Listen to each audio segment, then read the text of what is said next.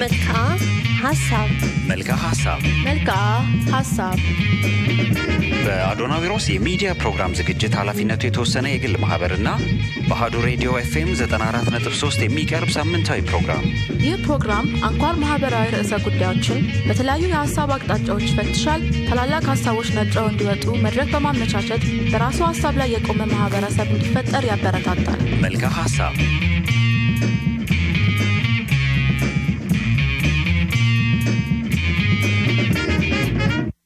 ሰላም እንደምን ሰነበታችሁ፣ እንደምን አመሻችሁ የተከበራችሁ የአህዱ ቤተሰቦች። በአህዱ ሬዲዮ በየሳምንቱ ማክሰኞ ምሽት ከሶስት ሰዓት እስከ አራት ሰዓት በቀጥታ ስርጭት የሚቀርብላችሁ የመልክዓ ሀሳብ ፕሮግራም ነው። እዚህ ስቱዲዮ ዋናው የትንታኔ አቅራቢ ጤንነት ሰጠኝ፣ ሜላት አጥናፉ እንዲሁም እኔም እስክንድር ክብራብ እንገኛለን። እንዴት ናችሁ እናንተ? ሰላም ነን፣ እግዚአብሔር ይመስገን። ከእናንተ እንጀምር ብዬ ነው። አዎ ጥሩ ሀሳብ ነው። እግዚአብሔር ይመስገን። ሳምንቱ እንዴት ነበረ? ወደ አንተ እናምጣው መሰለኝ። አዎ ዛሬ እሱ ተራ ይሆን አይደለም? እንደዛ ብንጀምር ይሻላል እና ሳምንቱ እንዴት አለፈ፣ የአህዱ ቤተሰቦችስ እንዴት ሳምንቱ እንዴት አሳለፉ ከሚለው እንጀምር ብዬ ነው። እንጀምር አይደል? አዎ ሳምንቱ ጥሩ ነበረ። በእኔም ሳይድ ስራዎች ነበሩ፣ ብዙ ስራዎች ተከናውነዋል። በሳምንቱ መጨረሻ ደግሞ በጣም አስገራሚና ያው እናንተም የነበራችሁበት ደስ የሚል የኤርትራ ተራራ ጉዞ የጉዞ ፕሮግራም ላይ ተሳታፊ ነበርኩኝ።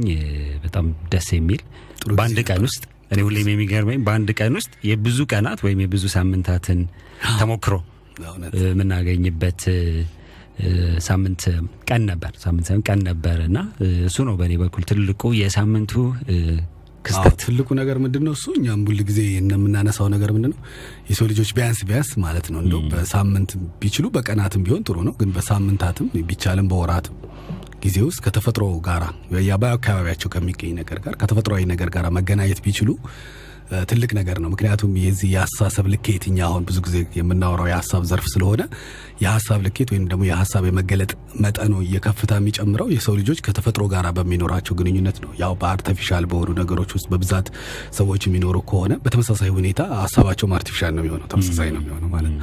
ያው መጠኑ ያንሳል እንደማለት ነው። ምክንያቱም የሚያዩበት እይታ፣ ዓለምን የሚረዱበት ነገር ሰው ሰራሽ በሆነ ነገር ውስጥ ይሆናል። ሰው ሰራሽ ሲሆን ደግሞ ያንሳል። ተፈጥሮ በራሷ በባህሪዋ የሰው ልጆችንም እንበል ሌሎችንም ፍጥረታትን እርስ በርስ አንድ ላይ አምቃ እንደመያዟ መጠን ከሌላው ፍጥረት ጋር እርስ በርስ መቀራ እንትን ማለት አለብን። እንዴ መቀናጀት ይገባናል። እና አንዳንዴ የዚህ የከተማ ኑሮ ዛሬ እንደው በሱ ዙሪያ ላይ መንሳታችን አይቀርም መስለኝ እንደው የከተማ ኑሮ ምናምን አንዳንዴ ከዚህ ከተፈጥሯዊ ነገር ያወጣል።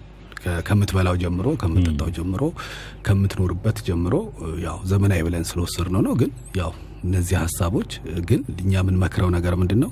በተቻለ መጠን የሰው ልጆች ከተፈጥሮ ጋር ቢገናኙ ይበልጥ ህጻናት ልጆች የሚያሳድጉ ሰዎች ደግሞ እነዛ ልጆቻቸውን ከተፈጥሮ ጋር ያለው ከእውነታው ጋር ከእውነታው ጋር እያቀራረቡ ቢያሳድጓቸው ልጆቹን ማድከም ሳይሆን ልጆቹ ከተፈጥሮ ጋር ያላቸውን ግንኙነት እንዲጨምር ያስተሳሰባቸውን ልኬት እንዲጨምር የማድረግ መጠኑ ከፍተኛ ይሆናል የሚል ሀሳብ አለን። እንግዲህ በኢረር ጉዳይ ወይ ወደፊት እንግዲህ ብቻውን ራሱን የቻለ ስለ ጉዞ ከከተማ ስለመውጣት ከተፈጥሮ ጋር ስለመገናኘት ስለመቀናጀት ፕሮግራም ይኖረናል። የሚኖረውን ተጽዕኖ በጣም ጥሩ ሀሳብ ነው። እናወራዋለን። ሜሊስ እውነት ነው። በ- በተለይ በአሁኑ ሰዓት እየተለመደ አይደለም። ወጣ ብሎ ተፈጥሮን አድንቆ ከራስ ጋር ተስማምቶ መመለስ ብዙም እየተለመደ ስላልሆነ ያው እኛም ካለን ተሞክሮ አንጻር ይህንኑ ነው የምንመክረው። አዎ በሀሳብ ዘርፎች ላይ እኮ እነዚህ ምንድነው የተመስጦ የምንላቸው ዘርፎች በአብዛኛው የሚመጡት እንደዚህ ከተፈጥሯዊ ነገሮች ጋር በሚኖር ውህደት ውስጥ ነው፣ ቁርኝነት። ውስጥ ነው። በተመስጦ ውስጥ ደግሞ ሀሳቦች ይፈልቃሉ። ያው የታወቀ ነው። ጸጥታ የሆነ ቦታ ምናምን ስንሆን ነው አይደል? እንዴ በከተማ ጫጫታ ውስጥ ሰው ልጆች ያው ውክብክብ ስለሚሉ ኑሮም ከባድ ነው ሀሳባቸው መሰብሰብ አይችሉም ማለት ነው። ይብቃ መሰለኝ ወደ ዛሬው ርዕሰ ጉዳይ እናምራ። በዛሬው ርዕሰ ጉዳይ እናነሳለን ብለን ሳምንት ቀጠሮ ሰተን የተለየ ነው። ርዕሰ ጉዳያችን የሚሆነው ታላቅነት ምንድን ነው በሚለው ጉዳይ ላይ እንነጋገራለን። መጀመሪያ ግን እንደ የትኛውም ፕሮግራሞቻችን ታላቅነትን በተለያየ ዘርፍ ያው ከፍታ እያየን እንመጣለን ማለት ነው። ዛሬ የመጀመሪያውን ታላቅነት በግለሰብ ሕይወት ውስጥ ምንድን ነው የሚለው እናያለን። እሺ አዎ ባለፈው ሳምንት ያቆምነው ጥያቄ ተጠይቀን ጥያቄ እንመልሳለን ብለን ነበር።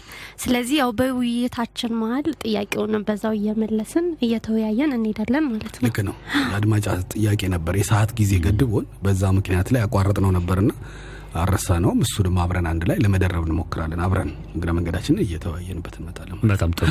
እሺ ታላቅነት በጣም አከራካሪ አንድ የህይወት ርዕሰ ጉዳይ ነው እና በግለሰብ ህይወት ውስጥ አንድን ሰው ታላቅ ነው ወይም ትልቅ ሰው ነው የምንልባቸው የተለያዩ መስፈርቶች አሉ። በክንዋኔዎች ሊሆን ይችላል፣ በሚያከናውናቸው ስራዎች እና በዛ ክንዋኔ ውስጥ ባስመዘገበው ውጤት ይሆናል። አንዳንዴ አንዳንድ ጊዜ ደግሞ እንደየባህሉ ወይም እንደየማህበረሰቡ አመለካከት ደግሞ በሚሰበስበው ወይም ባካበተው ቁሳዊ ሀብትም ታላቅነቱ ወይም ስኬቱ ሊመዘን ይችላል። ለመሆኑ ታላቅነት በአንድ ሰው ህይወት ውስጥ እንዴት ነው የሚሰፈረው? እንግዲህ በሰው ልጆች ህይወት ውስጥ ይሄ የመኖር ሂደቶቹ ውስጥ በምንመጣበት ሰዓት ላይ አንድ ሰው በዚህ ዓለም ላይ የሚኖሩበት የተሰጡት ጊዜያቶች አሉ አይደል? እንግዲህ በብዙዎቻችን እንደምናውቀው የሰው ልጅ የመኖሪያ ጊዜ መጠኖች የተገደቡ ናቸው። መቼስ አንድ ሺህ ዓመት የሚኖር ሰው የለም። ስለዚህ በዛ በተወሰኑ የጊዜ ክፍተቶቹ ውስጥ በዛ ውስጥ የሚኖርበት አለ። በዚህ በሚኖርበት ጊዜ ልኬቶቹ ውስጥ በህይወት ላይ ያለ ውጤት ማለት ነው እንደ ስኬት የምንለው አይደል ተፈጥሮ የሰጠችውን ወይም መኖር የሚገባውን ነገር ኖሮ ማለፍ ይመስላል ታላቅነት የሚሆነው ነገር። ይሄ እንግዲህ ምንድነው ለቀጣይ ትውልድ የሚያስተርፈውን ነገር አስተርፎ መሄድ። ምክንያቱም ትውልድ ተሸጋጋሪ ነው። ራሱ ብቻ ሳይሆን ለቀጣዩም ትውልድ የሚሆነውን ነገር አሳልፎ መሄዱ፣ በራሱም ደግሞ መኖር ያለበትን ነገር ኖሮ መሄዱ። ምክንያቱም አንዳንዴ የትውልድ ነገር የሻማ ነገር ብቻም አይደለም። እንዴት ነው ሻማን ታነዳለ ለቀጣዩ እያበራ እሱ እየተቃጠለ የምትለው አይነት ሳይሆን ግን እሱም እየኖረ ቀጣዩም ትውልድ ሊሆነው የሚችለው ነገር እያደረገ በህይወት ውስጥ የሚኖረው ስኬቶችን የተመለከተ ነገር ነው ታላቅነት ቢለው ሚሳቤ። በእርግጥ የታላቅነት እሳቤ በቃል ደረጃ ከወሰድ ነው ለሀገራት ለምናምን ስናመጣ ይመጣል። ግን ሀሳቡን ግን ለመረዳት እንዲችል አሁን ለምሳሌ በግለሰብ ከወሰደው እንደ ስኬት እንደገና ደግሞ በህይወት ውስጥ ግብን እንዴት ነው ሀሳብን የተሻለ ኑሮን ወይም የተሻለ አኗኗር ኖሮ ማለፍ እነዚህን የመሳሰሉ ነገሮችን አብሮን ማካተትና ማየት እንችላለን ብዬ አስባለሁ። እንደዚህ ነገሮች አሉ። ታላቅነት ወደ ታች ሲወርድ በግለሰብ ደረጃ በዚህ መልክ ማየቱ ነው የተሻለ የሚሆነው። በስኬቶች ውስጥ ወይም ደግሞ በህይወት ውስጥ ባለው በእያንዳንዱ ህይወት ውስጥ የሚገጥመው ነገር የሚመለከታቸውን ነገሮች ማየት የሚያስፈልግ ይመስለኛል። ብዙም የተለየ ነገር የለኝም። በእርግጥ ታላቅነትን ቁርጥ አድርጎ እንዲህ ነው ብሎ መግለጽ ይከብዳል። ሁሉም የየራሱ ሀሳብ አለው ብለን እንደጀመር ነው ሁሉም በተለያየ አቅጣጫ ሊያየው ይችላል። ምናልባት አንዳንዶቹ በህይወታቸው ውስጥ በማንነታቸው ውስጥ በኑሯቸው ውስጥ ያጡትን ነገር ሌላ ሰው ላይ ሲያዩት ያ ሰው ለእነሱ ታላቅ ሊሆን ይችላል። ታላቅ ነው። ምናልባት እነሱ በእጃቸው ያለውን ቢበልጥም ያጡትን ነገር ሲያዩበት ወይም ደግሞ በገንዘብም ካየነው ሀብቱ የካበተ ብዙ ተከታዮችን ያፈራ ንብረቱ ማይቆጠር አይነት እንደዛም ታላቅ ነው ልንል እንችላለን። ልክ ወደ እኔ ስመጣ ግን በእኔ እይታ ታላቅ የምለው የራሱን ኑሮ የሚኖር ለሚያጋጥሙት ችግሮች በራሱ መፍትሄ የሚሰጥ በእጁ ያሉትን ሀብቶች እንዴት መጠቀም እንዳለበት የሚያውቅ እንደዛ አይነት ናቸው። ትክክል ነው። አካሄዱ ይመስለኛል። በእርግጥ ምንድን ነው እሱ? ይሄ ሀሳብ ያው የመነሻ ሀሳቦችን ዝም ብለን እናብላላቸው ብዬ አስቤ ነው። እና ዋናው ነገር ምንድነው? ይሄ ታላቅነት የሚለው እሳቤ ወይንም ደግሞ ስኬት የምንለው ወይም ደግሞ አንድ ሰው በዚህ ዓለም ላይ መኖር የሚገባው ኖሮ አልፈዋል የምንላቸው ነገሮች አከራካሪ ናቸው። በብዙ ማህበረሰብም ብትወስዱት በሀገራትም ብንወስደው በብዙ ዘርፎች ውስጥ አከራካሪ ነጥብ አላቸው። ራሱ መስፈርቱ ምንድን ነው ነው መስፈርቱ መለኪያው ምንድን ነው? ለምሳሌ ለአንዳንድ ሰዎች መለኪያ ሆኖ የሚገኘው የሀብት መጠን ነው። የሀብት መጠን ማለት ይሄ በረከት ዘርፍ ምንለው አይደለ? ብዙ ሀብት መሰብሰቡ ላይ እሱን እንደ አንድ ስኬት መጠን ይታያል። ለምሳሌ በብዙዎቻችን በህይወታችን ውስጥ አሁን በማህበረሰባችን ውስጥ ራሱ ገብተን ስንኖር አንድ ሰው አልፎለታልን ብለን የምንለው ብዙ ሀብት ሲያካምብት ነው። የአስተሳሰብ ሀብት ላይሆን ይችላል። የሚታሰበው ይሄ የእውቀቱ የሀሳቡ የምናም ላይሆን ይችላል። የሚታየው ምንድነው ይሄ ማቴሪያል የምንለው ንብረቶቹን የንብረት የዚህ ዓለም ቁሳዊ የምንላቸው ነገሮችን በሰበሰበበት ልኬትን አንድን ሰው እንደ ሀብት የመውሰድ አንዱ ወቅት ላይ የሚታይበት ወቅት አለ። በሌላ ዘመናት ደግሞ ዝም ብለ ወደ ኋላም ሄደን አሁን ከተመለከትን ደግሞ በሌሎቹ ላይ አዋቂ መሆን የተማረ ሰው መሆን ብዙ እውቀት ጥበብ ያለው ሰው እውቀተኛ የእውቀት ሰው መሆን የጥበብ ሰው መሆን ደግሞ እንደ ስኬት የተቆጠረበት ደግሞ ጊዜ አለ። ምክንያቱ ትልቅ ክብር የሚሰጠው ለሱ ይሆናል፣ ደግሞ ለዚህኛው ቀርቶ ለዛኛው ሊሆን ይችላል። ስለዚህ በየጊዜው የምንመለከተው ነገር ይሄ ታላቅነት ወይም ስኬታማ የምንለውን ዘርፍ አከራካሪ ነጥቦች እንዳሉት ያሳያል ማለት ነው። አንድ ወጥ የሆነ ነገር አይታይበትም። ግን ይሄም ቢሆን ግን ትልቁ ነገር ግን እንደ መስፈርት ግን መቀመጥ አለበት ብዬ የማስበው ነገር ምንድን ነው ታላቅነትን የምትለካበት አንተ በራስህ የምትለካ ከሆነ በአንተ ውስጥ ባለ መስፈሪያ ቢመጣ ነው የሚሻለው ባይነኝ እኔ። አሁን በውጪ ባለ መስፈሪያ የምናመጣው ከሆነ ነው ችግሩ እየመጣ ያለው። ለምሳሌ እኔ ያለው ለእኔ ጠዋትም እስከ ማታ ምደክመው ሀብት ይሄ ሀብት ለመሰብሰብ ነው። የእውቀት ዘርፉን ወይም ደግሞ የጥበብ ዘርፉን የመሰብሰብ ነው። ወይም ደግሞ የሌሎችም በሌላ እንግዲህ ወደ ስድስት ናቸው የሚኖሩት ወደፊት ያው የተነተናቸው ምንመጣ ይሆናል። ግን እነኝህን እነኝህን ዘርፎች የመሰብሰብ ነው ወይስ የትኛው ነው? ለምሳሌ ስምህን ራሱ መገንባት በራሱ አንድ የአንድ የታላቅነት ዘርፍ ነው። ምክንያቱም ስምህ ቢቀድም ትልቅ ስም ቢኖርህ እኮ ምንም ሀብት ባይኖርህ ብዙ ሀብቶች እንዳለህ ነው የሚሆነው። ስም ትልቅ ሀብት ነው በራሱ። ምክንያቱም የአንድ ሰው ስሙ ትልቅ ከሆነ ትልቅ ሀብት እንዳለው ነው የሚቆጠረው። ምክንያቱም ትልልቅ ስም ያላቸው ሰው በስማቸው ብቻ ብዙ ነገር ይኖራሉ። አሁን ብዙዎቹ እኮ ኢትዮጵያ ውስጥ ያሉ ታዋቂ የምንላቸው ሰዎች እኮ ስማቸው ነው እጃቸው ላይ ያለው እንጂ እነሱም በቁሳዊ ደረጃ እንመዝናቸው ብንል ብዙ ላይኖራቸው ይችላል። ግን በስማቸው ግን ትልቅ ናቸው። በየቦታው የሚኖራቸው ክብር በብዙ ቦታ ላይ ያ የተሰጣቸው ነገር ታላቅ ናቸው። ለዛ ህዝብ፣ ለሚያከብራቸው ህዝብ፣ አብሯቸው ላለ ህዝብ ትልቅ ናቸው እነሱ። ይህንን ከምንድን ያመጡት ሲባል በቁሳዊ ነገር አይደለም ያመጡት። በቁሳዊ ነገር ካየን የላቸውም። እንደውም ብዙዎቹ ታዋቂ ሰዎች ወይም ታላላቅ የምንላቸው ሰዎች በስተመጨረሻ ላይ በእርዳታ ነው አንዳንድ ነገር ሲያደርጉ አይደል የምንመለከተው። ስለዚህ አየህ ስታስበው ብዙ ነው ማለት ነው የልኬት መጠኑ ማለት ነው። አየህ በስምም ሊመጣ ይችላል ማለት ነው። በረከትም እንደምንለው ሁሉ ሳቢ አንዳንድ ሰዎች ደግሞ ህብረቱ ያላቸው አሉ። ህብረቱ ምል በተለያየ ሰዎች ጋር ያላቸው ግንኙነት ትልልቅ የሆኑ ሰዎች አሉ። አንድ ጉዳይ ብትፈልግ እነሱ ጋር በጣም ይሄ ህብረቱ እርስ በርስ ያላቸው ግንኙነት ማለት ነው የማህበረሰብ ላይ ያለው ተጽዕኖ አሳዳሪዎች ናቸው። እንደነዚህ አይነት ይሄ ራሱ በራሱ ሀብት ነው። ገብቷል። ህብረት በራሱ ሀብት ነው። ምክንያቱም አንተ ከብዙ ሰዎች ጋር የምትገናኝ ከሆነ ከብዙ ግንኙነት ካለ ከብዙ ሰዎች ጋር ህብረት ያለ ሰው ከሆንክ አንድ ያለህን ነገር አንድ አንተ ያለህን ሀሳብም ይሁን አንተ ያለህን ቁስ ይሁን ያጣሆንም ማለት ነው ያለህንም ቢሆን ወደ ሌሎቹ ለማዳረስ አትቸገርም። ምክንያቱም በቀላሉ ነው። አሁን ባለንበት ቴክኖሎጂ ዘመን አሁን ስታስበው ማስታወቂያ ነው አይደል ትልቁን ሚና የሚጫወተው። እንግዲህ በማስታወቂያ ዘርፍ እኮ አንዱ እኮ ይሄ ከአንዱ ወደ አንዱ መረጃ ማሸጋገር ነው አይደለም። እና ይሄንን ህብረት የመፍጠር አቅም ያለው ትልቅ ሰው ብዙ የመሄድ እድሉም ሰፊ ነው ማለት ነው። አየህ አንድ ሌላ አቅጣጫ ነው። ስለዚህ ብዙ ናቸው ማለት ነው መለኪያዎቹ። እንደዚህ እያመጣን እያመጣናቸው ሁለቴ ያው ጥበብ ያልኩ ነው። ጥበበኛ የሆነ ሰው፣ አዋቂ የሆነ ሰው፣ ብልህ የሆነ ሰው መንገድ ይመራል አይደል እንዴ? የተቸገረን ይመራል። ስለዚህ የተቸገሩ በሙሉ እሱ ደጅ ላይ ይሰበሰባሉ ማለት እኮ ነው። ለምን ፍለጋ? የእሱን ጥበብ ፍለጋ። ስለዚህ የእሱን ጥበብ፣ የእሱን እውቀት፣ የእሱን የተቸገሩበትን መፍትሄ ለማግኘት በዛ ዙሪያ ስለሚሰበሰቡ ያንን በሰጣቸው ልኬት መጠን ገንዘቦችን ያገኛል። ሀብትም ሌሎቹንም ያገኝ ስሙንም ያገኘዋል። አሁን ቅድም ያል ህብረቱንም ያገኘዋል። እነኛን የምንላቸው ነገር ያገኛቸዋል በተዘዋዋሪ መንገድ። ግን መሰረቱ ግን በሩ መግቢያው በሩ የእሱ ምንድን ነው ማለት ነው? ጥበብ ነው ማለት ምክንያቱም እሱ ጋር ያለ ጥበብ የችግሮች መፍቻ፣ የብዙ ነገሮች መፍትሄ የሚሆኑ ነገሮች ምናምን በሱ እጅ አሉ። ስለዚህ እነዛን ነገሮች ለማግኘት ሲል ብዙ ሰዎች ወደዛ ወደ እሱ ይመጣሉ ማለት ነው። ስለዚህ ይሄም አንዱ መንገድ ነው ማለት ነው። አየህ አቅም ያለው ሰው ደግሞ አቅም ማስፈጸም አቅም አቅም ያለው ሰው የምንላቸው ሰዎች ደግሞ አሉ። አቅም ያላቸው ማለት ተጽዕኖ አሳዳሪ የምንላቸው ሰዎች እነዚህ ሀብት ስኬታማ የሚባል ደግሞ አንዱ ዘርፍ ነው። ያሁንም እንደ ታላቅ ብለም እንደ ገንዘብ ብለው አንዳንድ ሰው እኮ ብዙ ገንዘብ ኖሮት እኮ ተጽዕኖ ማሳደር የማይችላል ገብተዋል። ምንም ገንዘብ ሳይኖረው ግን ተጽዕኖ የማሳደር ተሰሚነት ያለው ማለት እኮ እሱ ሲናገር ሰው ሁሉ ይስማማል። እሱ ያለው ነገር ላይ በሙሉ ይነሳል። በቃ እሱ ብሏል፣ እሱን ማን ይነካዋል ይላል። እንደዚህ አየህ፣ አሁን ይሄም አቅምን ነገር ያሳያል ማለት ነው። ስለዚህ ብዙ ናቸው ያሉት እና የትኛው ነው መስፈሪያው?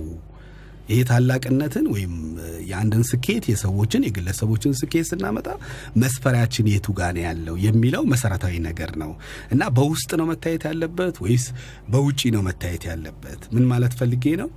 እኔ በራሴ ባለኝ ነገር ላይ እንግዲህ እንዳልኩ ብዙ አይነት ስላለኝ እኔ ለምሳሌ በጥበብ ተነስቼ ስኬት ለኔ ይሄ ነው ልል ይችላለሁ። አንዱ ተነስቶ ህብረት በብዙዎች ጋር በሚፈጥረው ህብረት ሊል ይችላል። አንደኛው ተነስቶ በስሜ ነው ሊል ይችላል። አንዱ ደግሞ በቁሳዊ ነገር ነው ሀብት የመፍጠረው ይችላል። ይሄ በግሉ ለራሱ ሊያመጣው ይችላል። ችግሮቹ ግን የሚከሰቱት ራስ ላይ ተቀምጠህ ሌሎችን ለመምሰል የሚካሄድ የጉርብት ጎረቤትህን እንደ ስኬት መስፈርት ወይም ደግሞ እንደ ስኬት መለኪያ አድርጎ ማስቀመጥ ሌሎችን ማስቀመጥ ነው በጣም ከባዱ ስህተት። አሁን ገብቶሃል። ለምሳሌ ጎረቤቴ ላይ አሁን ብዬ እንደ ተረት ላውራችሁ ሀሳቧን እንትን እንዳደረግና ሰውየው ትንሽ ቦታ ነች ያለችው እና ስልሳ ካሬ ቦታ የምትባል ቦታ አለችው። ከጎኑ ደግሞ ያለው ጎረቤቱ ደግሞ አንድ ሺህ ሄክታር አለው። አንድ ሺህ ካሬ ቦታ አለው። ከሄክታር ትልቅ ስለሆነ አንድ ሺህ ካሬ አለው። ስለዚህ ይሄ አንድ ሺህ ካሬ ነው። እቺ ስልሳ ካሬ የምትባል ቦታ አለችው። ይሄኛው ጎረቤቱ ማለት ያኛው አንድ ሄክታር ነው እና አሁን ይሄኛው ስልሳ ካሬ ቦታ ላይ ያለችው ቦታ ላይ ቤቱን ሰርቷል ሰውየው ቤቱን ሰርቶ ቤት እንግዲህ ስልሳ ካሬ ላይ ስታስቀምጣት እንግዲህ ትንሽ ነች ቤቷ እና ቤተሰቡ ተቸገረበት እሱን ለማኖር ማለት ነው። ሲቸገር ከግንብ ነገር አደረገና አንድ ፎቅ ሰራ ወደ ላይ። ፎቁን የሰራበት ዋናው ምክንያት ይሄ ሰው ጠባቡ ቤት ውስጥ የሚገኘው ሰው ፎቁን የሰራበት ምክንያት ምንድን ነው? የቦታ እጥረት ገጥሞት ነው። ቦታ ነው ያነሰው፣ ምክንያቱም ትልቅ ቦታ የለውም። ያ ከጎረቤት ያለው ሰው ግን ልኬቱን የሚያመጣው እሱ በፎቅ ቤት ነው የሚኖረው ይላል። አየህ አንድ ሺህ ቦታ አንድ ሺህ ካሬ ቦታ ስላለው በፎቅ ቤት ውስጥ ነው የሚኖረው ብሎ በዛ በትልቅ ቦታ ላይ እሱም ያችን ምታ እንደገና ሌላ አንድ ፎቅ ቤት አንፎ ፎቅ ቤት ፍላጎቱ ምንድን ነው? የቦታ እንትኖችን ለማድረግ አይደል የምንጠቀምበት።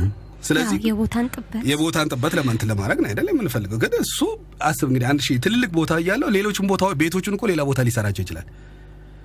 አያ አሁን ይሄ ልኬትህን በጎረቤት ባለ ወይም በሌሎች ባለ የምታመጣው ከሆነ ሁል ጊዜ ምንድን ነው የምታደርገው ማለት ነው? እነሱን ነው የምትከተለው። እሱ በችግሩ ነው ፎቅ የሰራው አይደል የደራረበው ቤቶቹን። ይሄኛው ግን ፎቆቹን የሚደርበው ወይ ፎቅ የሚሰራው እሱን ለመምሰል ነው። ምክንያቱም ያ በፎቅ ቤት ነው የሚኖረው፣ ይሄኛው ግን ፎቅ ቤት። አየህ ፎቅ ቤትን እንደንትን እንደማለት ነው። እንደገና ይሄ ሰውዬ ሁለተኛ ምን አደረገ መሰለ መልሶ መስኮቱ ላይ አሁን ያችን ቤቷን እንግዲህ እንዳልኩ ቤቷን ሰርቶባታል። አንድ ፎቅ ቤት እንደገና ከላይ አንድ ground ከላይ ጨምሯል። ከዛ ቲማቲምም የሆነች ቃሪያም ምናምን አማረችው። ስታምረው መሬት የለውም። ስለዚህ እዛው መስኮቱ ላይ በሩ ላይ በላስቲክ እያደረገ ቲማቲሙን አበባውንም ምኑንም ተከለ። እጽዋትን በአይኑ ማየት ይፈልጋል። አበባም ምንም ምንም ተከለና በፕላስቲክ በፕላስቲክ አድርጎ ቁጭ ቁጭ አደረገ። ያ ሰውዬም እዛው በእንግዲህ አንድ ሺህ መሬት አንድ ሺህ ቦታ አለ። በዛ ቦታ ላይ እዛችሁ ቤት ላይ እንደገና እሱም አትክልት ይተክላል። አሁን እንግዲህ ይሄ ከተማችን ውስጥ ያለ ነው። አንዳንድ ቦታ ስትሄድ ግራ ይገባሃል። ትልቅ ግቢ ያላቸው እዛ ጥግ በር በሯ ስር በምናምን በምናምን ያደርገዋል። ይሄ እኮ የውጭዎቹ ይህንን ያደረጉት ቦታ እጥረት ስላለባቸው ነው። ገብተዋል። ትልፊ ቦታ ካለ በሰፊ ቦታ ለምን አትክለውም? አይ ሌላን እንደ መስፈርት አድርገህ የምትወስድ ከሆነ አንተ አይደለም እየኖርክ የሌሎችን እንትን ነው እያስገረወንክ ያለው ማለት። ስለዚህ እንደዚህ በሚሆንበት ተራ ስኬት ወይንም ደግሞ እንዳልኩ ታላቅነት ወይም ደግሞ በዚህ ዓለም ላይ መኖር የሚገባን የምንለውን ነገር በሌሎች መስፈርት ካመጣ ነው አደጋ አለው ነው። አሁን በራሳችን መስፈርት ግን ካመጣ ነው እንዳልኩ መምረጥ ትችላለህ። ብዙ አይነት አሉ። በስም ላይ ልሰራ ትችላለህ። በህብረት ላይ ልሰራ፣ በጥበብ ላይ ልሰራ፣ በብዙ መንገዶች ላይ መስራት ትችላለህ ማለት ነው። እነዚህን የሚመስሉ ሀሳቦች ናቸው ያሉበት። ሜሊ ሀሳብ አለሽ? ምንም የተለየ ሀሳብ የለኝም። በደንብ ነው ያብራራው። አንድ ነጥብ ማንሳት ስለፈለግኩ ነው። እሺ ሰው ያስባል ከዛ ደግሞ ወደ ክንዋኔ ወደ ድርጊቶች ይሄዳል። በሁለት መንገድ አስተዋጽኦ ያደርጋል ማለት ነው፣ ወይም ተጽዕኖ ይፈጥራል አካባቢው ላይ በሀሳቡና ቀጥሎ ደግሞ በሚያደርጋቸው ድርጊቶች፣ በስራዎቹ፣ በክንዋኔዎቹና ምናልባት የታላቅነቱ መጠን የሚያስባቸው ሀሳቦችና ድርጊቶቹ ከሚሸፍኑት ስፋት አንጻር መታየት አይችልም ወይ ወይስ ይችላል?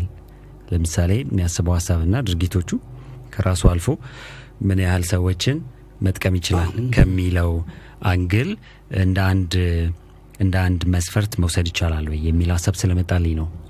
አንዱ ነገር ምንድን ነው በስፋቱ ልክ ባለፈው ሳምንት የሆኑ የቀለበት ምሳሌዎች ስንሰጥ አልነበር? እውነት ነው። በቀለበቱ ስፋት ልክ መመዘን ይችላል ወይ? ብዙ ጊዜ አሁን እንግዲህ የሚታሰበው ነገር ባለፈው አንድ ጊዜ አንድ ሀሳብ አንስተን ነበር። ባለፈው ትዝ ካለ የአዱ ቤተሰቦችም ትዝ ካላቸው በዚህ በባለጸጋና በሀብታም መካከል ላይ አይተነው ነበር። ለምሳሌ በሀብት ሀብታም የምንለው ሰው የሚሰበስብ ነው ብለን አንስተን ነበር አይደል? ብዙ ገንዘቦች አሉት፣ ብዙ ሀብቶች የሰበሰበ አንድ ቦታ ላይ ያከማቸ ይሆን እና እሱም አልበላውም፣ ሌሎችም እንዲበሉት አላደረገም። ብቻ መሰብሰቡ ብቻ ነው የታየው። ገብቷ ብዙ ገንዘብ በየባንኩ በየምኑ በየምኑ አለው ብዙ ቤቱ ምን በቃ እንደዛ ነገሮች ያደርጋል። እሱ የገንዘቡን ቁጥር ልኬትና ብዛቱን ነው የሚያየው። ስለዚህ ይሄ ደግሞ እንዳልኩ ይሄ የሀብት ነገር ብዙ ጊዜ ላይ መንትን የለውም፣ ይሄ ገደብ የለውም፣ ገደብ የለውም። የትኛው ነው ትልቅ ሀብት? አዎ የትኛው ነው ትልቅ? ሀብት የምትለው? አዎ የትኛው ነው በቃ አሁን አበቃው በቃ ልብላው አትልም። ብዙ ጊዜ ላይ ብዙ ሰዎች የሚቸገሩት ነገር ይሄ ነው። ይሰበስቡታል ይሰበስቡታል እንትንም ይላል መሰለኝ የጥበብ መጽሐፍቶችም እንደዛ ይላሉ መሰለኝ ሰው ይሰበስበዋል ይሰበስበው እበላዋለሁ ሲል ሞት ይወስደዋል ይላል እና ይሰብስቦ ሰብስቦ ሰብስቦ ሰብስቦ አዘጋጅቶ አሁን በላዋለሁ ሲል ቆይ ቆይ የሚቀጥለው እቺን ሰርቼ ደግሞ ቀጥዬ እበላለሁ ሲል መብላት ያቆማል መብላት ያቆም ወይ በሽተኛ ይሆናል ወይ ምናምን ይሆናል ከዛ ከዛ ከሀብቱ አይበላውም ገብቷ ብዙውን ጊዜውን በዛ በችግር ውስጥ ስላሳለፈ ማለት ነው። እንግዲህ ይሄ ሀብት መሰብሰብ የምንለው ይሄ ነው። ባለጸጋ የምንለው ደግሞ አሁን ላነሳው አንተ የሚመጣው ባለጸጋ የምንለው እሱም የሚጠቀምበት ሌሎችንም የሚጠቅምበት ማለት ነው። አይ አሁን የዚህ እንትኑ ይሰፋል።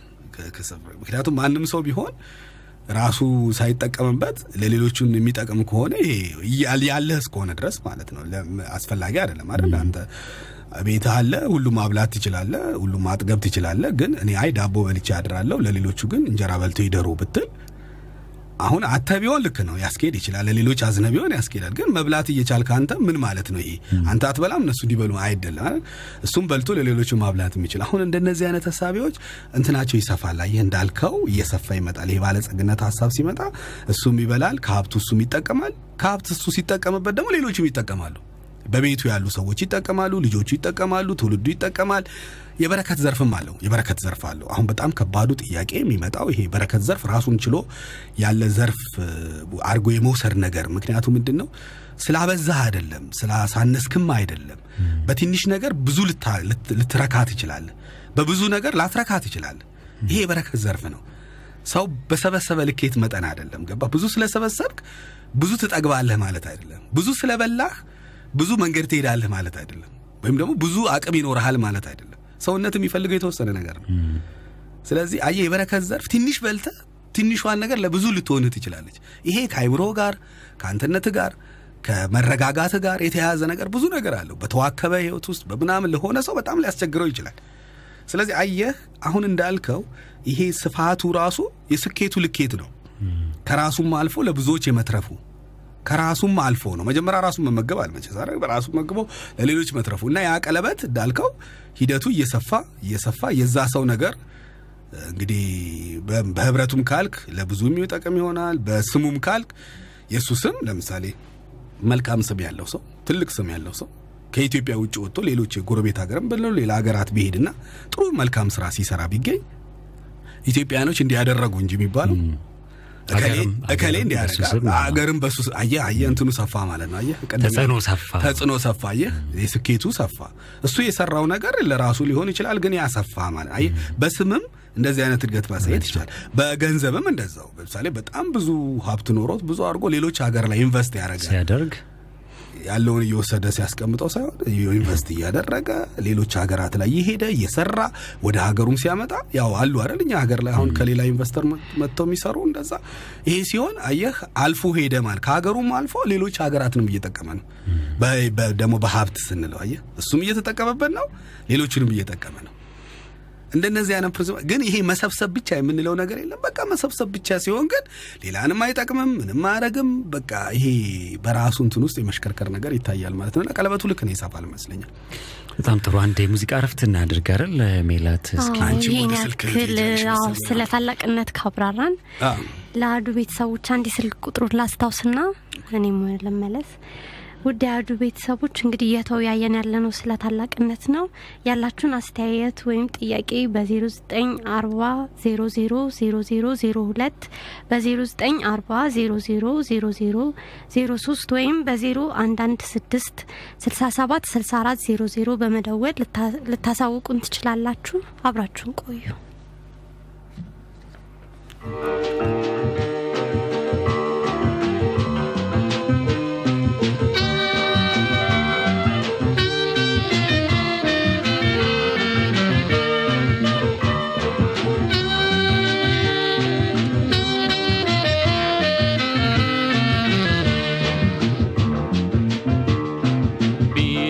ጊዜው ወረት እስካለቀ ፊደል አለ ጊዜው ወረት እስካለቀ። የሰው ቤት የሰው ነው በግልጽ ታወቀ ፊደል አለ ጊዜው ወረት እስካለቀ። ፊደል አለ ጊዜው ወረት እስካለቀ። የሰው ቤት የሰው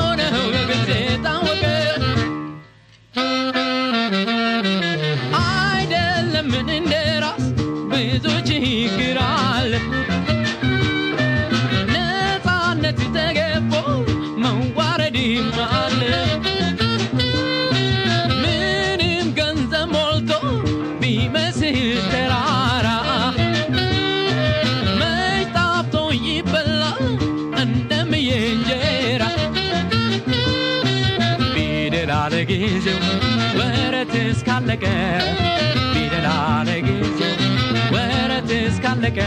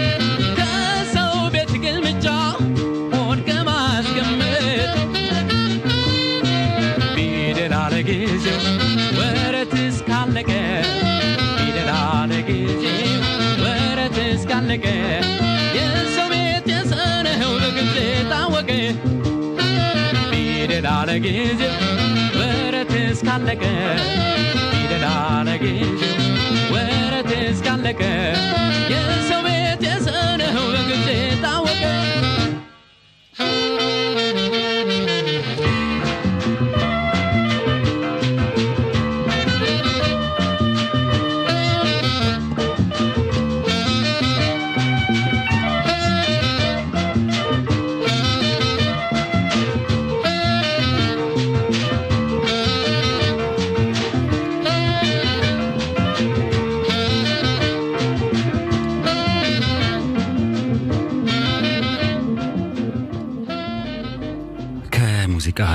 ተመልሰናል። የተከበራችሁ የአዶ ቤተሰቦች የምትገኙት በአሃዶ ሬዲዮ 94.3 ላይ ነው። ፕሮግራማችን ደግሞ መልካ ሀሳብ ነው። ሳምንታዊ ፕሮግራም የአለማየሁ እሸቴን ዘፈን እንዴት አገኘው ለጊዜው ቢደላም የሚል ሀሳብ አለው። የሰው ቤት የሰው ነው ይላል። የራስ ነገር ይበልጣል ይመስላል? የሰው ሀሳብም የሰው ሀሳብም የሰው ሀሳብ ነው። ለጊዜው ነው እንጂ ያው የራስ ሀሳብ ይበልጣልም ይመስላል። መጨረሻ ላይ እውነት እኮ ነው። እውነት ነው። ምን ጥያቄ አለ? ከሙዚቃ እረፍት በፊት ወይም በምዕራፍ አንድ ፕሮግራማችን ላይ ስለ ታላቅነት በግለሰብ ደረጃ አውርተናል። አሁን ደግሞ እስኪ ወደ ሀገር ደረጃ ከፍ እናድርገው። በዓለም ላይ የተለያዩ ሀገራት አሉ። እነዚህ ሀገራት ደግሞ በተለያየ ምድብ ተመድበው ተቀምጠዋል። መዳቢው አካል በምን መስፈርት እንዳስቀመጣቸው ባይታወቅም ማለት ነው። በግልጽ ግን መገመት የሚቻለው ምንድን ነው? ሀገራትን ያደጉ ያላደጉ በሚል በትልልቁ ሁለት ተከፍለዋል። ወይም አንደኛና ሁለተኛ፣ አንደኛና ሶስተኛ የዓለም ሀገራትና ታላቅነትን በአብዛኛው ከኢኮኖሚክ አቅም ጋር ብቻ ነው እና ካስተሳሰብ በተለይ ደግሞ ከርዕዮተ ዓለማቸው እ፣ ጋር already እንትን ብለው መስፈርት አውጥተው እናንተ ያደጋችሁ ሀገሮች ናችሁ፣ እናንተ ደግሞ ያላደጋችሁ ሀገሮች ናችሁ ተብሎ ነው የተከፈለው እና አንድን ሀገር ለመሆኑ ታላቅ ሀገር የሚያሰኛት ምኗ ነው? ይሄ እንዳልከው እንግዲህ በጣም አከራካሪ ነጥቦች ያስነሳል። አንደኛ ሲጀመር ትልቁ ነገር የሚነሳው ነገር ራሱ ያነሳኸው እሳቤ ይሄ ያደጉ ሀገሮች፣ በማደግ ላይ ያሉ ሀገሮች፣ ያላደጉ ሀገሮች ምናምን ብለህ የምታወጣው መስፈርት በራሱ በአንድ በምንድን ነው እሳቤው ራሱ የሚገኘው ቅድም ያነሳ ነው የጎረቤቶቹ አይነት አይደለም። ወዲኛው ቤት ያለው ሰው እኔን ያልመሰለ እኔን እኔን የመሰለ ያደገ ልትል ነው ማለት ነው። እኔን ያልመሰለ ያላደገ ልትል ነው ማለት ነው። ስለዚህ የሆነ መስፈርትን አውጥተን አስቀምጠን በዛ መስፈርት ነው እየለካ ነው ያለ ነው። ነገር ግን ይሄ ነገር ጭቅጭቆችን ሊያስነሳ የሚችልበት አንድ ጉዳይ አለው። እሱ ምንድን ነው? እሱ ለምሳሌ እኛ አንድ የምንናገረው ነገር አለ። እኛ ኢትዮጵያውያኖች ታላቅ ነበርን እንላለን። ታላቅ ነበር፣ ወደፊትም ታላቅ እንሆናለን። እንደውም እንደ መፈክር አይነት አድርገንም እናወራዋለን አይደል? ታላቅ ህዝቦች ነበር። ያው እውነት ነው። እኛ ህዝብ ኢትዮጵያውያን ታላቅ ህዝቦች ነበር። ያ ታላቅነት መስፈርቱ አሁን አደጉ የተባሉት ሀገሮች ባስቀመጡት መስፈርት የተቀመጠ ነው። እሱ አንድ ጥያቄ ሊያመጣ ነው። እኛ አሁን ያሉትን አውሮፓን በለው ሌሎቹንም አሜሪካን ሌሎቹንም ሀገራት አይነት ነበር ነው በታላቅነት ማለት የሆነ ምንድን ነው መለኪያው ራሱ ምክንያቱም ዝም ብለን ስንመለከት አሁን ይሄ ታላቅ ያደጉ የምንላቸው ሀገሮች እኮ በብዙ ችግሮች ውስጥ ናቸው ራሳቸው ያሉት በተዘዋዋሪ ገልብ ጠቃየው ለምሳሌ ከተፈጥሮ ጋር ያላቸውን ግንኙነት ብታይ ከተፈጥሮ ወጥተዋል ሙሉ ለሙሉ ወጥተዋል የሚያሰኝበት ደረጃ ላይ ደርሰዋል ለምሳሌ አንተ አውሮፓ ውስጥ ቤት በግ አርደህ ራስህ ቆዳ ገፈ ቆዳውን ቁርበት አድርገ መቀመጫ አድርገ ማታም ተኝተህበት እንግዲህ ቀን በልተኸው ቀን በልተህ እንደዚህ ልትል ይሆን? በፍጹም ታምር የማይታሰብ ሀሳብ ነው። ይሄንን ልታየውም አችል በጉር ራሱ ላታየው ትችላል። አሁን ይሄ ክፍል ለእኛ ስናመጣው ይሄ ያኛውን በጉን አለማየት ስልጣኔ ነው አድርገን እኛ የምናስበው አይደለ? ግን ቢታሰብ ግን በጉን ማየት ነው ስልጣኔ የሚሆን። ምክንያቱም ከተፈጥሮ ጋር መገናኘት እነሱ ያልቻሉበት ምክንያት ስላላቸው ነው አይደል? የራሳቸው ነገር አላቸው በዛ በኩል ያልቻሉበት። ምክንያቱም የሚገኙበት ሀገር ጠባብ ነው። በብዙ የራሳቸውን ባህል ሊኖር ይችላል። እንግዲህ የራሳቸው ሀሳብ ይኖራል። ባህላቸው፣ አኗኗራቸው ምናም ሊሆን ይችላል እኮ። እኛ ደግሞ ሌላ የራሳችን የኗኗር የራሳችን ነገር አለን እኮ። ሰፊ መሬት ነው ያለን፣ ብዙ ህዝብ ነው ያለን። በዛ ላይ መሬቱ በቂ መጠን ነው ያለው ምናምን እና ለምንድን ነው ወደዛ ለመምሰል የም- የምንፈልገው ወይስ የዙር ነገር ሊመጣ ነው ማለት ነው? እነሱ ያው እንደምታየው አሁን እኛ ጎጆውን ትተነዋል። ታውቃለህ? ጎጆ ትተናል። ጭቃ ቤት በቃ ነውር ነው። ጭቃ ቤት አይሰራም። በጣም የሚገርም እኮ ነው። ጭቃ ቤት እኮ ማለት እኮ በጣም የሚገርም ብሎኬት ቤት ወይም ሲሚንቶ ቤት አይተነፍስም። አይተነፍስም ምን ማለት እንደሆነ ታውቃለህ? አይተነፍስም። አየር አያስገባም፣ አያስወጣም። የጭቃ ቤት እኮ አየር ያስገባል፣ ያስወጣል። ጎጆ ቤት ስታደርገው ደግሞ ሳሮ ያስወጣል፣ ያስገባል። እነሱ እኮ እዚህ መጥተው ጎጆ ቤት ውስጥ መኖር ይፈልጋሉ እኮ እኛ ወደዛ እነሱ ወደዚህ የመተላለፍ አይነት ነገር ይታያል እኮ ይሄ በሀገር ደረጃ እሳቤዎች ሳይሆን በእንትን እሳቤዎች ስናስባቸው ማለት ነው።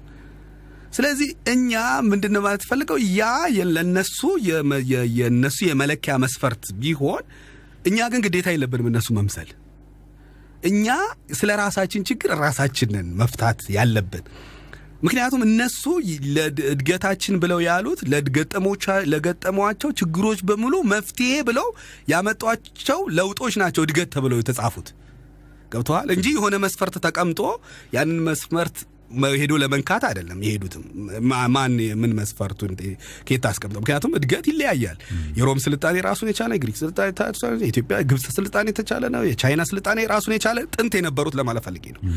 ስለዚህ ነበሩ ሌሎቹን ያንን አይደለም ለመድገም ያንን አስቀምጦት አይደለም ለመምጣት እየመጡ ያሉት የራሳቸውን ነው ይዘው የመጡት። ምንድን ነው በህብረተሰባቸው ውስጥ በኑሯቸው ውስጥ በህይወታቸው ውስጥ የገጠሟቸውን ችግሮችን ለመፍታት መፍትሄ ብለው ያመጧቸው ነገሮች እና እነኛ መፍትሄ የፈቱባቸው ነገሮች ናቸው አሁን ያሉበት ደረጃ።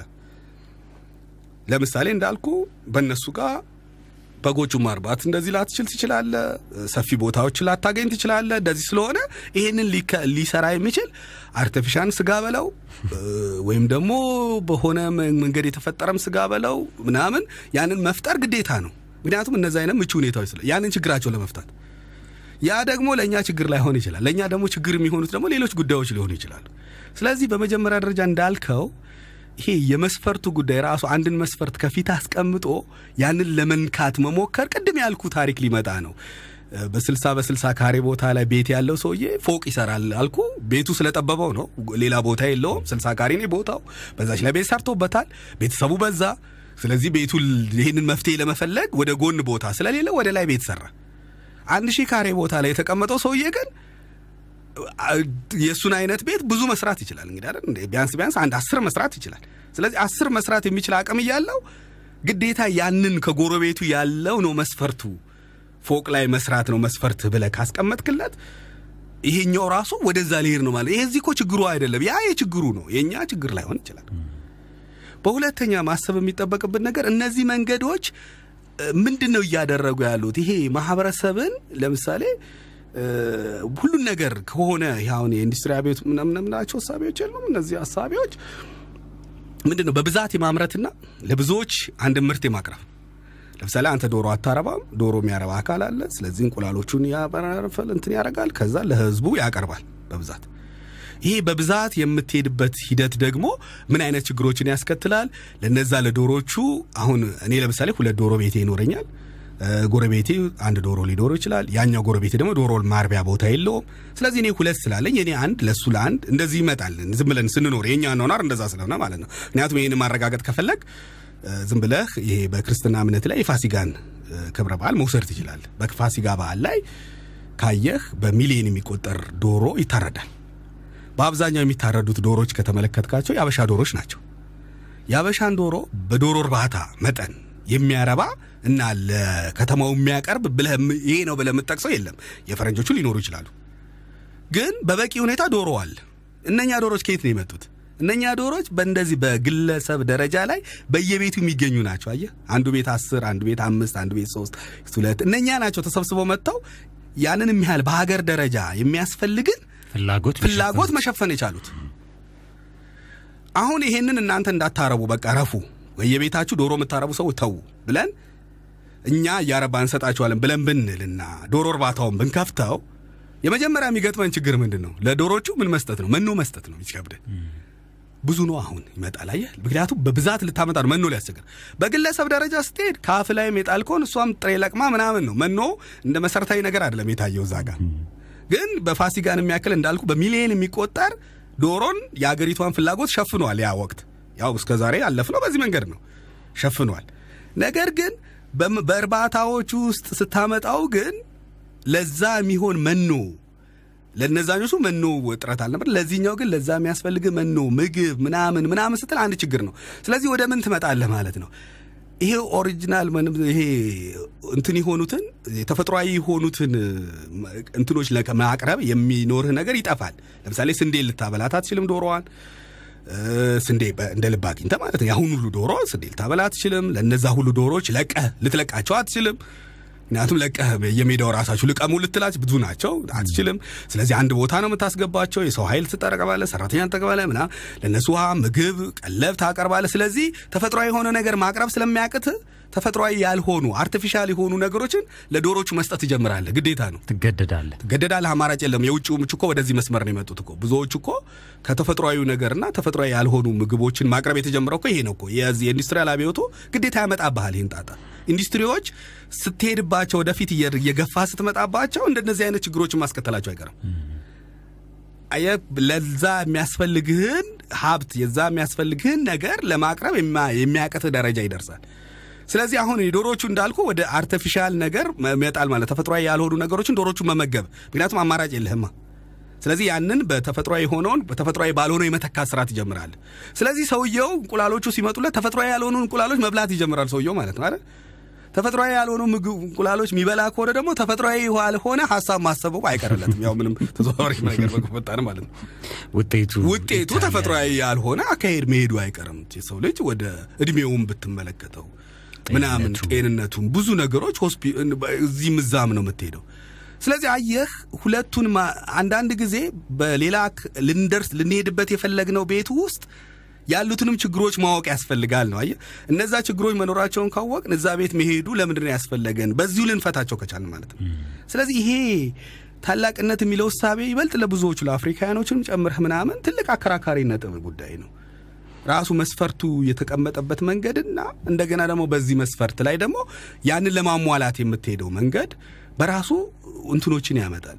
አብዛኛ በአፍሪካ ሀገሮች ኢትዮጵያንም ጨምረ በምታያቸው ውስጥ ከተፈጥሯዊ ሂደት ጋር ይሄ ራስን በራስ የመርዳት ላይ ብዙ ትኩረት ያደረጉ ናቸው። የዚህ አስተሳሰብ ነው ይሄ ከብዙዎችን ከመመገብ ይበልጥ አሁን እንደ ዘመናዊ የምንለው ዓለም ከሚሄድበት አቅጣጫ ይሄኛው ራስን በራስ የመመገብ ለምሳሌ ራስህን ራስህን ሽሮ ታዘጋጃለህ፣ ራስህን እንጀራ እንትን ትላለህ። በአሁኑ ሰዓት አሁን ብዙዎቹ እናቶቻችን ወፍጮ ቤት ድሮ እኔ ማቆም ማለት ነው እንግዲህ ማውራ እንግዲህ ወፍጮ ቤት ገበያ ይካሄዳል። የምትፈልገውን ጤፍ ትመርጣለህ።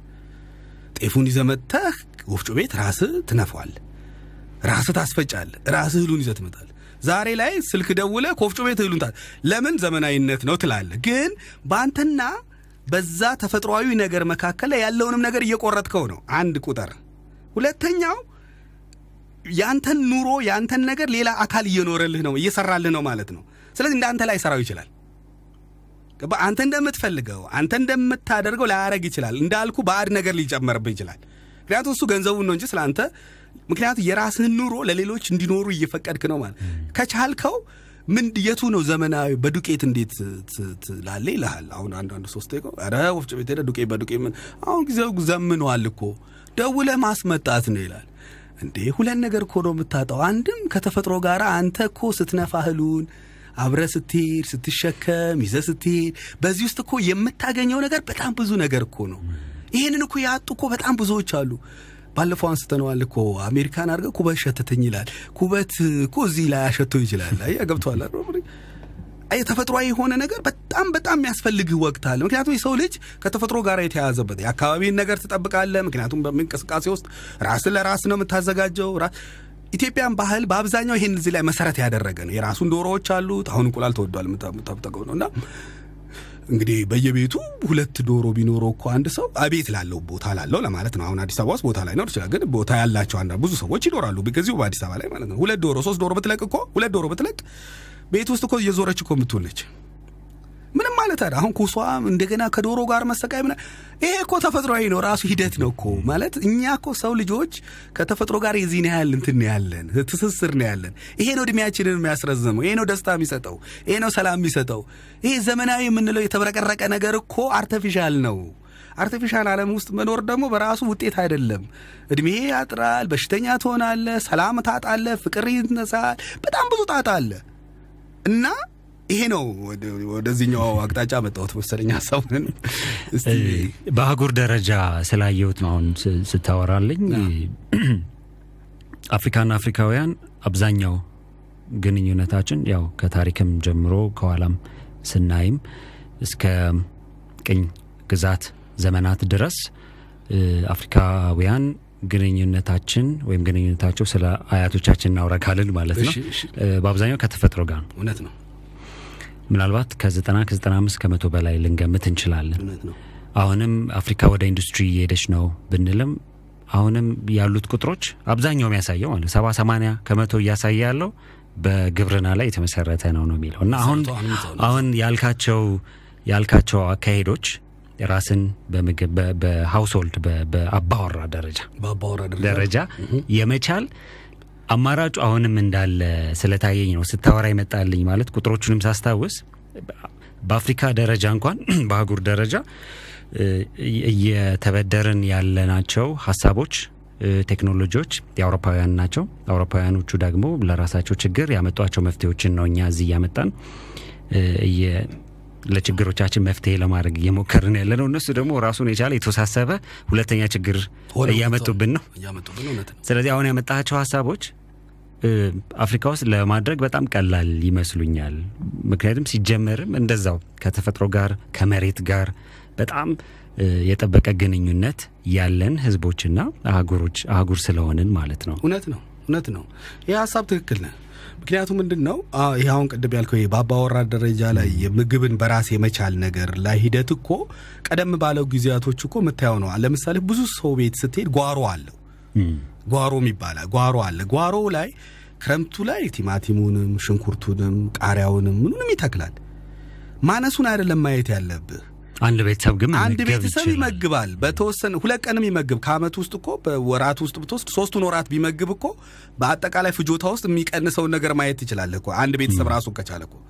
በሁለተኛ ጤናውን ይጠብቃል። ምክንያቱም ከተፈጥሮ ጋር ቅድም ያልኩ ነገር አለ። ከተፈጥሮ ጋር ያለው ትስስር አለ እኮ እዛው ቤት ውስጥ በጎች ይኖሩታል እንበል። ለቦታው የሚመቸው ከሆነ በጎ ቦታው የሚመቸው ዶሮች ይኖሩታል እንበል። በዶሮ ቀላሉ ትንሽ ነገር ስለሆነ አሁን ዶሮ ቢኖረው ዶሮቹን እዛው ግቢ ውስጥ ለቆ ከዛ ማግኘት ይችላል ማለት ራሱን ይችላል ማለት ቢያንስ ቢያንስ ሁለት እንቁላል ሶስት እንቁላል ለቤተሰቦቹ ለልጆቹ ጠዋት ላይ የሚያበላው ነገር ያገኛል ማለት ነው። አንዲት እንደዛው ከብት ቢኖረው ወተት ምናምን ለልጆቹ ለራሱም ያገኛል ማለት ነው። ይሄ በራሱ በአንድ ባወራ ደረጃ ወይም በአንድ ቤተሰብ ዘርፍ ላይ ራስን የመቻል ነገር በትልቁ ስትወስዶ ብዙ ርቀት ይወስዳል። ስለዚህ እነዚህ ነገሮች በጣም መሰረታዊያኖች ናቸው። ወደ ጥቅል ውስጥ እንደነሱ ወደ ጥቅል ለመውሰድ ከመሞከር ለምሳሌ ከብት ትሰጠዋለ፣ ከብቶቹን ያረባል፣ ከዛ ወተቱን ያልባል፣ ከዛ ወተቱን ወስዶ ለወተት አምራች ድርጅቶች ይሰጣል። እኔ አንዳንዴ በጣም አዝናለሁ። አንዳንድ ቦታ ላይ ስትሄድ ጠዋት ጠዋት ላይ ሰዎች በእቃ በእቃ አድርገው መንገድ ላይ ይጠብቃሉ። ወተት የሚለቅሙ ሰዎች አሉና የሚለቅሙ ደብረ ዘይት ያደግኩት ነው ይለቅማሉ በመኪና እየዞሩ ያ ወተት በጣም የሚገርም ከልጆቹ ላይ ነው እየተወሰደባቸው ያሉ። ልጆቹ ወተቱን አይጠጡትም ማለት ገንዘብ እየተለቀመ ነው። ምክንያቱም ከብቶቹ ደግሞ የሚበሉት አለ። መኖ ከባድ ነው። ስለዚህ ያ ወተት ተሸጦ ለከብቶቹ መኖ ተደርጎ ከዛ ደግሞ ለእነሱ የኑሯቸው ያው ለጤፍ ለእህሉ ምናም ሲሉ ወተት ለእነሱ ሩቅ ነው። ለምንድን ነው ይሄ የተፈጠረው? እነኛ የሚሰበስቡት ስላሉ ነው። አየህ፣ እነዛ ባይኖሩስ ኖሮ ሰውየው ወተቱ ለራሱ ነበር የሚሆነው ማለት ነው። አየህ፣ በራሱ ራሱን የማኖር ራሱን ራሱን መመገብ ይችላል። እንዳልከው በአባወራ ደረጃ በቤተሰብ ደረጃ ራስን የመቻል ራስን የማስቻል ነገር ልክ እንደ አንድ ኢንዱስትሪያል አብዮት እንዳልከው ሁሉ ልክ እንደ አንድ አብዮት መውሰድ ይችላል ነው ሊበልጥ ለአፍሪካውያኖቹ በራስን በቤተሰብ ደረጃ የማስቻል ምክንያቱም ይሄ ነው የሚያስኬደው። አሁን ሁሉ ነገር እያስቸጋሪ ነው እንደምታየው ነው።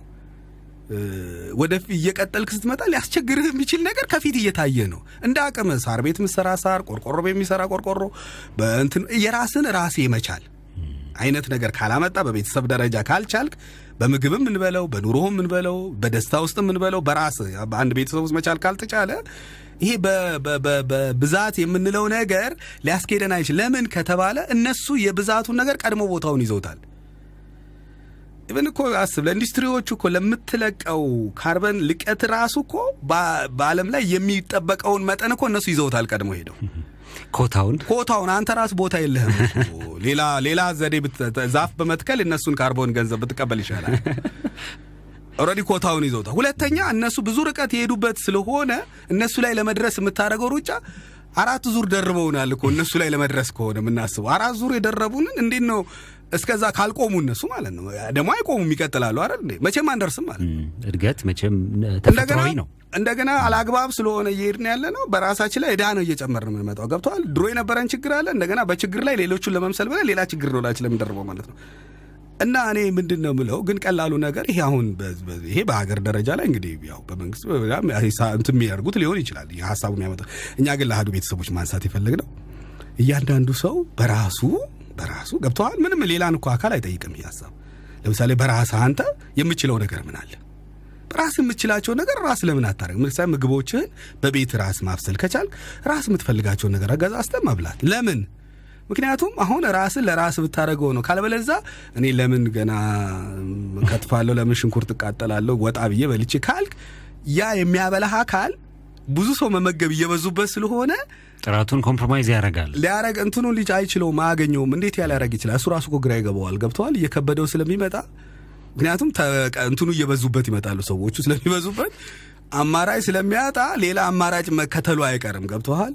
የምትፈልገውን ነገር ላይሰጥህ ይችላል። የምትፈልገውን ዘይት ላታገኝ፣ የምትፈልገውን ስጋ ላታገኝ ትችላል። የምትፈልገውን ብዙ ማታገኛቸው ነገሮች ሊፈጠሩ ይችላል። ስለዚህ ያለው አማራጭ ምንድን ነው? ወደዚህ ወደ ወደ ራስን ለእንትን ለጥገኝነት ከመዳር አሳልፈው ከመስጠት ከመስጠት በራስ የመቆም ነገር እንቁላል እንዲገባ እንዲገባ ብለህ ከመጮህ ቤትህ ከቻልክ ሁለት ዶሮ ገጠርም ወይም በዚሁ በአዲስ አበባ ርቀት ላይ ካለ ቤተሰቦች ካሉ እዛ አካባቢ ሁለት ሶስት ዶሮ አድርገህ እንቁላሉንም ማግኘት ትችላለህ። ከብቱንም እንደዚህም እያራስህን መንገዶች መከተል ትችላለህ። ይሄ ያስኬዳል አሁን ባለንበት ሁኔታ ላይ ይሄ ግዴታ ፖሊሲ አውጪ አይጠይቅም። ገብተዋል። ይሄ የግል ጉዳይ ነው፣ የግለሰብ ጉዳይ ነው። ስለዚህ ማንም ፖሊሲ አውጪ አይጠይቅም። እኔ በግሌ እንዲህ አይነት ኑሮ ኖራለሁ ካልክ እንደውም መንግስትን ትረዳለህ። ምክንያቱም ከዚህ በፊት ያለን ፍጆታ ራስን እየቻልክ ነው ማለት ነው። በራስ ውስጥ እየሄድክ ነው። ጤፉን ከሚፈልግበት ወሰድክ፣ ራስ አስፈጨ፣ በራስ ነገር ራስ ጋገርክ፣ ራስ ምናምን አረግ ገብቷ ሁሉን ነገር እንደ ዳቦ ቤት ዳቦ ጠፋ ምናምን ከምትል ራስህ ስንዴውን ገዝተህ አስፈጭተህ እንዴ ቆንጆ ነው እኮ የኛው ስንዴ ያኛው ነጭ እኮ ሲሆን እኮ ገለባው ስለወጣ ነው አይደል? ገለባው እኮ በራሱ አስፈላጊ ነው። እንደገና በሌላ አንጻር ሲታሰብ አይደል? ሌላ ጉዳይ አለ። ስለዚህ አንዳንዴ እንዴት ነው ጥለነው እየወጣን ያለነው ነገር እጅግ የሚያስፈልገን ነገር ሆኖ ሳለ ችግርም ሳይሆን ችግር ያልሆነውን ችግሮቻችን ሌላ ናቸው። ሌሎቹን ችግሮቻችን ለመፍታት ያኛውንም ጥሎ የመውጣት ነገር ይታያልና መመለስና ወደ ራስ የማሰባሰብ ነገር መምጣት ያለበት ይመስለኛል። ይሄ ግዴታ ፖሊሲ አይጠይቅም አንዳንዴ ለችግሮቻችን የምንሰጣቸው መፍትሄዎች ሁለት ሶስት ችግሮች እየደራረቡ እንዳይመጡ መጠንቀቅ ጥሩ ነው። ቆንጆ ቲፖች ናቸው የሰጠህን። አንድ የሙዚቃ እረፍት እናድርግና ሜላት አስተያየቶቻችሁን ሀሳቦቻችሁንና ጥያቄዎቻችሁን ይዛ እስክትመጣ እ፣ አረፍ ብለን እንመለስ። አዎ ያለን ሰዓት ትንሽ ነው። ያው እንግዲህ ሙዚቃውን በመሀል ትንሽ የተወሰነ መሸጋገሪያ ያህል እንጠቀም። መሸጋገሪያ ሙዚቃ አድርገን እንመለሳለን። okay።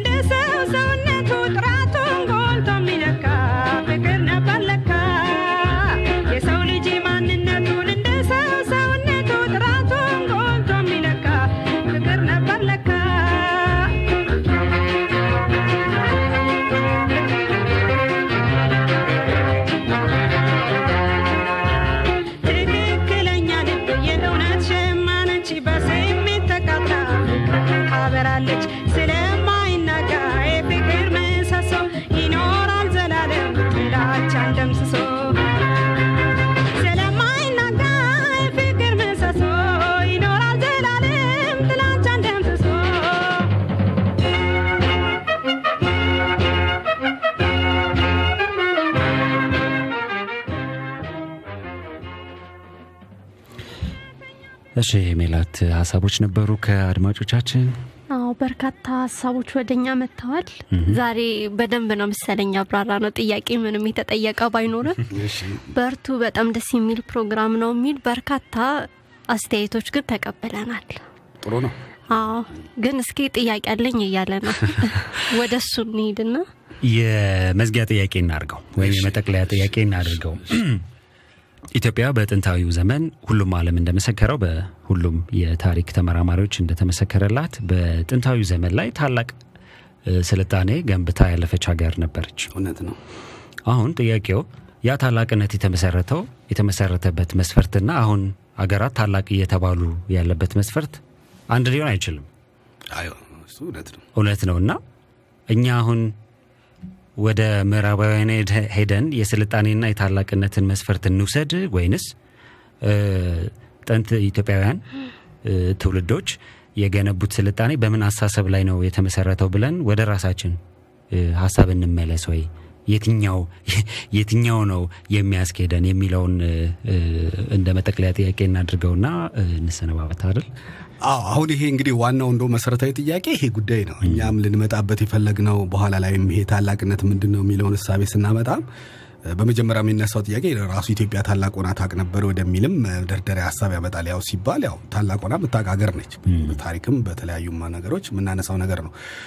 ዛሬ ያለነው ትውልዶች ምናልባት ያንን ታላቅነት የምንለካበት ሁኔታ እነዚህ አሁን ዛሬ ላይ በምንመለከታቸው ሊሆን ይችላል። ማለት ከዛ ተርፈው ለቀሩ የቀሩትን እኛ ጥለን ወጥተናል። ግን ያንን ጥለን የወጣነውን ሀሳብ ጥለን የወጣነውን ታላቅ ነገር ከዛ ከቀረው ነገር ውስጥ እንደ ቱሪዝም እንደ መጎብኘት ያክል ብቻ ከምናያቸው ላይ ተነስተን ወይንም ደግሞ ሌሎች በነገሩን ውስጥ ሌሎች ስለ እኛ በነገሩን ውስጥ ተቀምጠን ነው ይህንን ታላቅነት ወይንም ይህንን የምናስቀምጠው እና አሁን ያነሳው በጣም ትልቅ መሰረታዊ ጥያቄ ነው። ምንድን ነው አንዱ ነገር ኢትዮጵያ ወይም ደግሞ እንደ ሀገርም እኛ ኢትዮጵያውያኖች አሁን በስልጣኔ ለዓለም ላይ የተቀመጠው እንደ አንድ ቁንጮ ተብሎ የተቀመጠው የእድገት ወይንም የታላቅነት መስፈርት አለ። የራሱ አስተሳሰብ አለው፣ የራሱ ባህል አለው። ያን ይሄ ዘመናዊ ተብሎ የመጣው እሳቤ መከተል ማለት ይሄ ዘመናዊ የምንለው እሳቤ ደግሞ እንዳልኩ ዘመናዊ አኗኗሮች ዘመናዊ ምናምን የሚባሉት ያው ከተፈጥሯዊ ከሆኑት ነገሮች ውስጥ ወጥተህ በዛ ወይም ደግሞ ምዕራባውያን ሀገሮች ደረሱበት ወደሚባለው ደረጃ በአብዛኛው ቴክኖሎጂ ቴክኖሎጂዎች ላይ መሰረት ያደረገ ወደዛ ዘርፍ ላይ ወደሚሄደው ዘርፍ ላይ ነው መግባት ያለብን ወይንስ ወደ ኋላ ተመልሰን መተን ያ በዚህ አሁን አውሮፓ ወይም ደግሞ ምዕራባውያን የደረሱበት የተባለው ስልጣኔ ላይ እና በሁለቱ ስልጣኔዎች መካከል ልዩነት አለ። ያው ምንም አከራካሪ ጉዳይ አይደለም። ትልቅ ትላንት ኢትዮጵያ ታላቅ በነበረች ሰዓት ላይ ዛሬ ላይ አውሮፓ ምዕራባውያኖቹ የደረሱበት ስልጣኔ ነበረ ያ የነበረው ማለት አይቻልም። በዘመኑ የራሱ የነበረው ነገር አለ። ዛሬም ድረስ ምላሽን ያላገኘ የምንላቸው ነገሮችን ይዟል። ስለዚህ የትኛውን ነው ተከትለን መምጣት አለብን? ወደ ኋላ ያለውን ነው መሄድ ያለብን ወደፊት የሚለው በጣም ብዙ የሚያከራክረን ጥያቄ ነው የሚሆነው። እኛ ወደ ኋላ ልንል ነው እንግዲህ ወደፊት የሚሉም ሊኖሩ ይችላሉ። ሳምንት እንነጋገርበት ጉዳይ በጣም ጥሩ እንግዲህ ፕሮግራሙም የተለያዩ እይታዎችን የምናንሸራሽርበት እንደመሆኑ ይህም ፕሮግራም የራሱን ራሱን የቻለ ሀሳብ ለመጠቆም የመጣ እ፣ የአህዱን ቤተሰቦች የተቀላቀለ ፕሮግራም እንደመሆኑ በሚቀጥለው ሳምንትም የራሳችንን ሀሳብ ይዘን እንገናኝ። እንደዛ ነው የሚሻለው። ሰፊ ርዕስ ስለሆነ ወደ ፕሮግራማችን ፍጻሜ የመጣን ነው። የተከበራችሁ የአህዱ ቤተሰቦች እስካሁን ለነበረን ቆይታ በጣም እናመሰግናለን። አብረን አብረናችሁ የቆየ ነው ጤንነት ሰጠኝ ሜላት አጥናፉ እስክንድር ክብረ አብረናችሁ ነበርን። ሳምንት እስክንገናኝ ድረስ መልካም ምሽት፣ መልካም ሳምንት። መልካ ሀሳብ መልካ ሀሳብ መልክዓ ሀሳብ በአዶናዊሮስ የሚዲያ ፕሮግራም ዝግጅት ኃላፊነቱ የተወሰነ የግል ማህበርና በአህዱ ሬዲዮ ኤፍኤም 94.3 የሚቀርብ ሳምንታዊ ፕሮግራም ይህ ፕሮግራም አንኳር ማህበራዊ ርዕሰ ጉዳዮችን በተለያዩ የሀሳብ አቅጣጫዎች ይፈትሻል። ታላላቅ ሀሳቦች ነጥረው እንዲወጡ መድረክ በማመቻቸት በራሱ ሀሳብ ላይ የቆመ ማህበረሰብ እንዲፈጠር ያበረታታል። መልካ ሀሳብ